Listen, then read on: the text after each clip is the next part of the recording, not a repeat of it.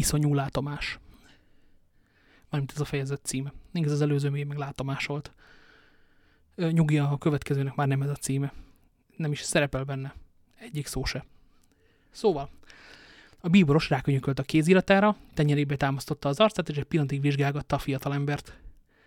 Nem volt még olyan veségbe látó szem, mint Richelieu bíboros, és D'Artagnan érezte, hogy erei megbizseregnek a pillantás alatt, mintha láztámadta volna meg. De keményen állt a sarat, kezében tartotta kalapját, és ha nem is éppen dőjfösen, de meg sem alázkodva várta, amit parancsol ő eminenciája.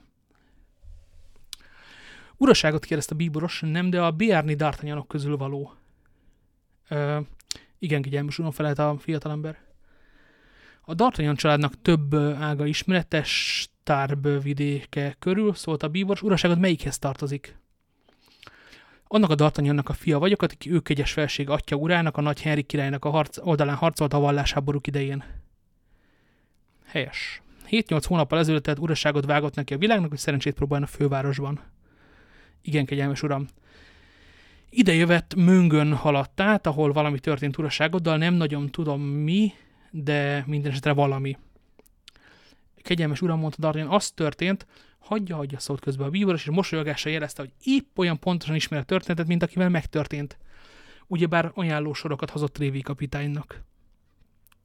Igen, kegyelmes uram, csak hogy éppen a szerencsétlen möngi események során elveszett a levél fejezte be ő eminenciája. Igen, tudom. Még jó, hogy Triviúr olvas az arcvonásokban, és szempillantás alatt felismeri az embereit, el is helyezte urasságod a sógorának, Dézeszát úr századának, úrnak a századában, és megígérte, hogy előbb-utóbb bejutatja a testőrség soraiba.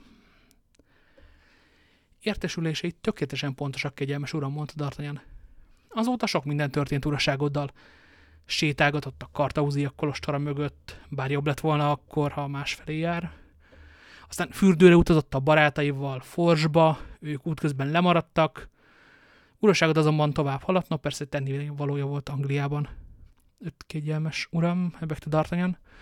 Tudom, vadászni ment Windsorba, vagy máshová, kinek mi köze hozzá, de én azt is tudom, hogy mert az a dolgom, hogy mindent tudjak. Amikor visszatért, egy felséges személy fogadta, örömmel látom, uraságod most is őrzi a tőle kapott emléket. D'Artagnan a királyné gyűrűje után kapott, és villámgyorsan befelé fordította a gyémánt követ, de már későn. Egy napos később Kavoá meglátogatta uraságodat, folytatta a bíboros, kérni akarta, fáradjon a palotámba. Uraságod nem viszonozta ezt a látogatást, és rosszul tette.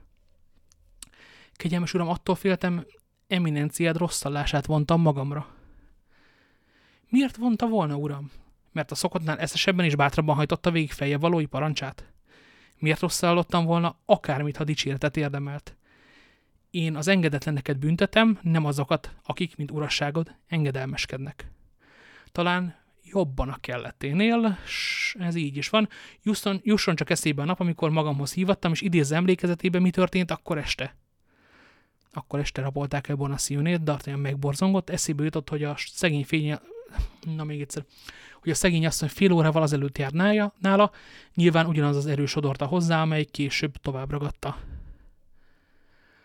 Nos, folytatta a bíboros, én egy ideje nem hallottam uraságodról, és tudni szeretném, mit csinál. Különben is tartozik nekem némi köszönet, te bizonyára észrevettem, milyen csinyán bántunk uraságoddal minden körülmények között. D'Artagnan tisztelet tudom meghajolt. Ezt folytatta a bíboros, nem csupán természetes méltányosságnak köszönheti, hanem annak is, hogy bizonyos terven van uraságoddal. D'Artagnan mind jobban csodálkozott. Már akkor tájékoztatni óhajtottam a tervvel, amikor megkapta első meghívásomat, de nem jött el. Szerencsére ezen a késésen semmi nem múlik, és ma meghallgatja a tervemet. Foglaljon helyet velem szembe, D'Artagnan úr, elég jó nemes ahhoz, hogy ne állva hallgasson. A bíboros széket mutatott a fiatal embernek, aki olyannyira elánmult a történteken, hogy újabb felszólításra várt, mielőtt engedelmeskedne.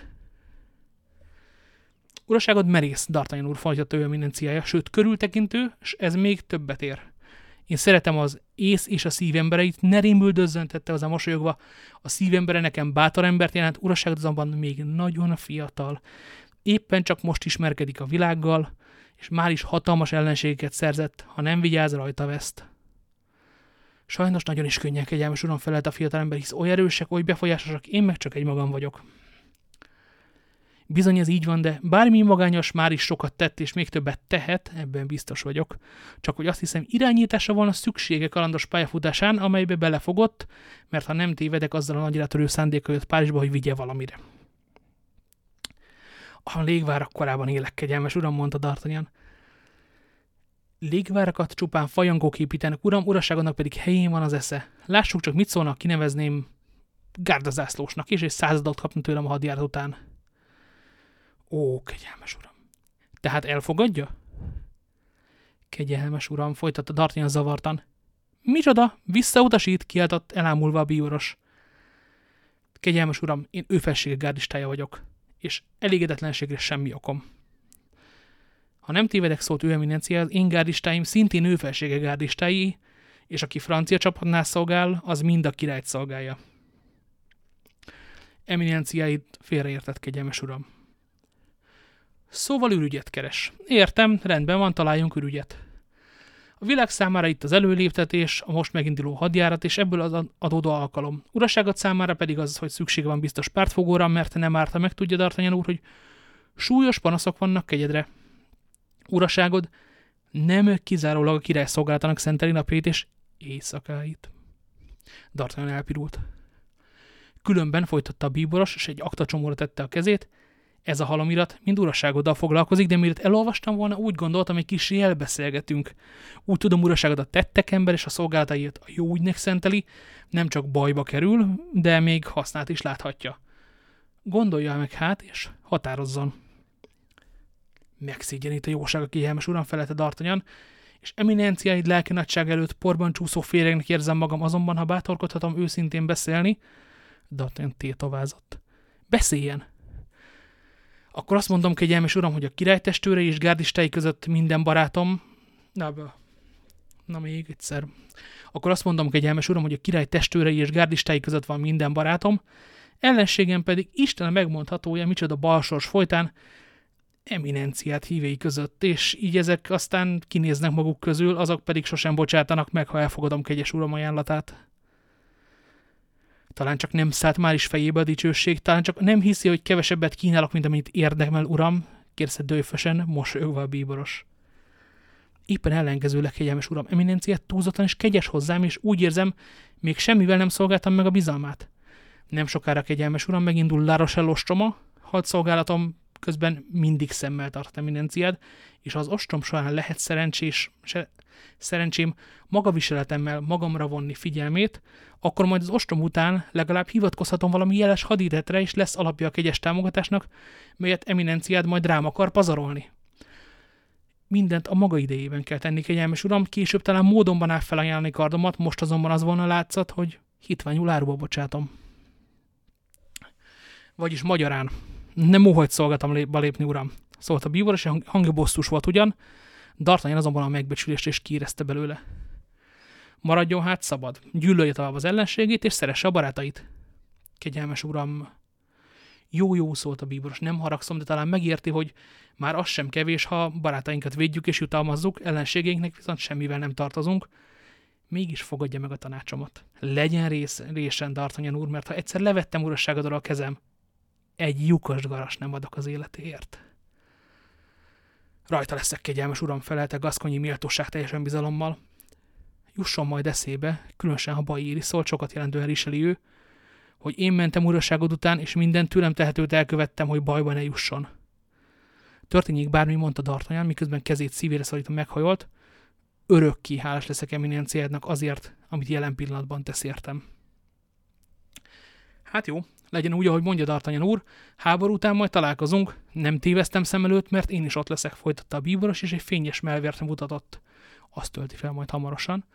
És ha visszatérünk, nos, akkor majd elszámolunk. Kegyelmes uram, kiáltott D'Artagnan, ne vessen ki jó indulatából, ha úgy találja, hogy lovagi módon viselkedtem, maradjon semleges, kegyelmes uram.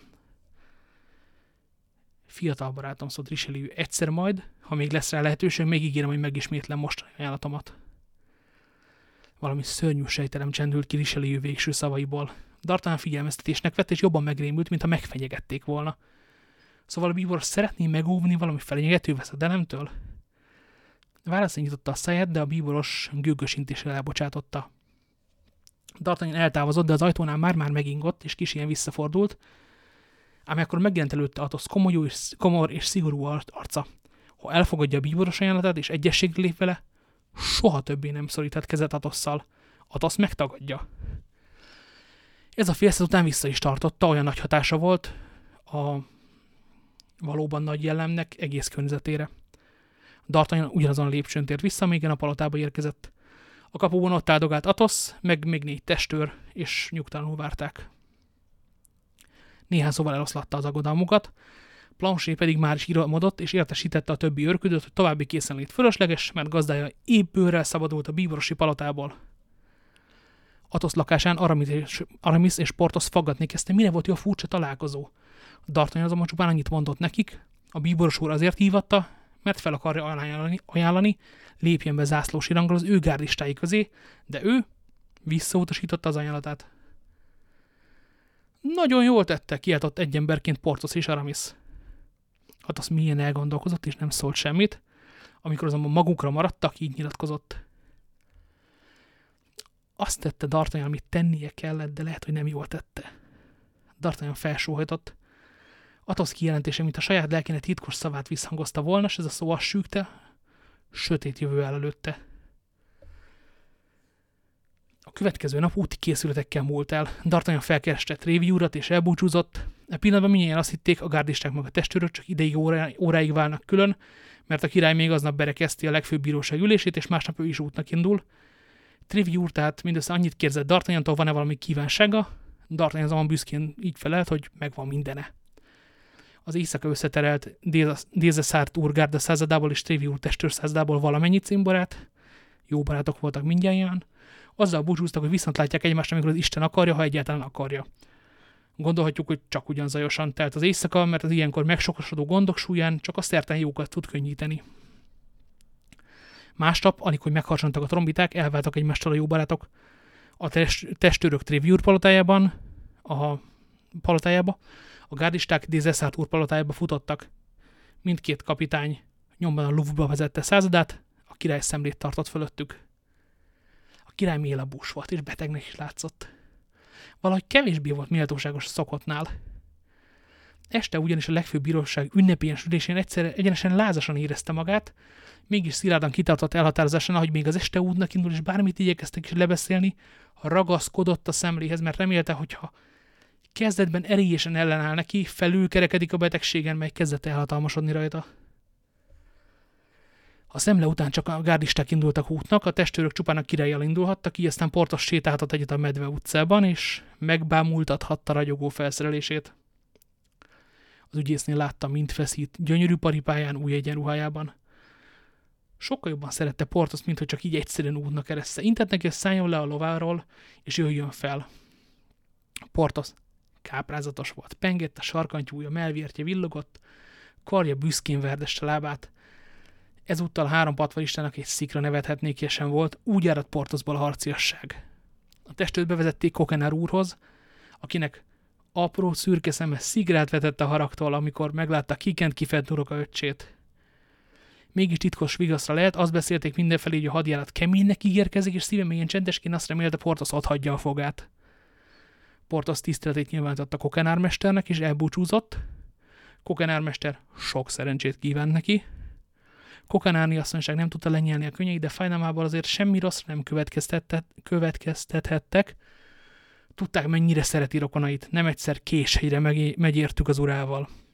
De a nagy búcsújánat Kokenárni asszony szobában játszódott le, és szívetépő volt.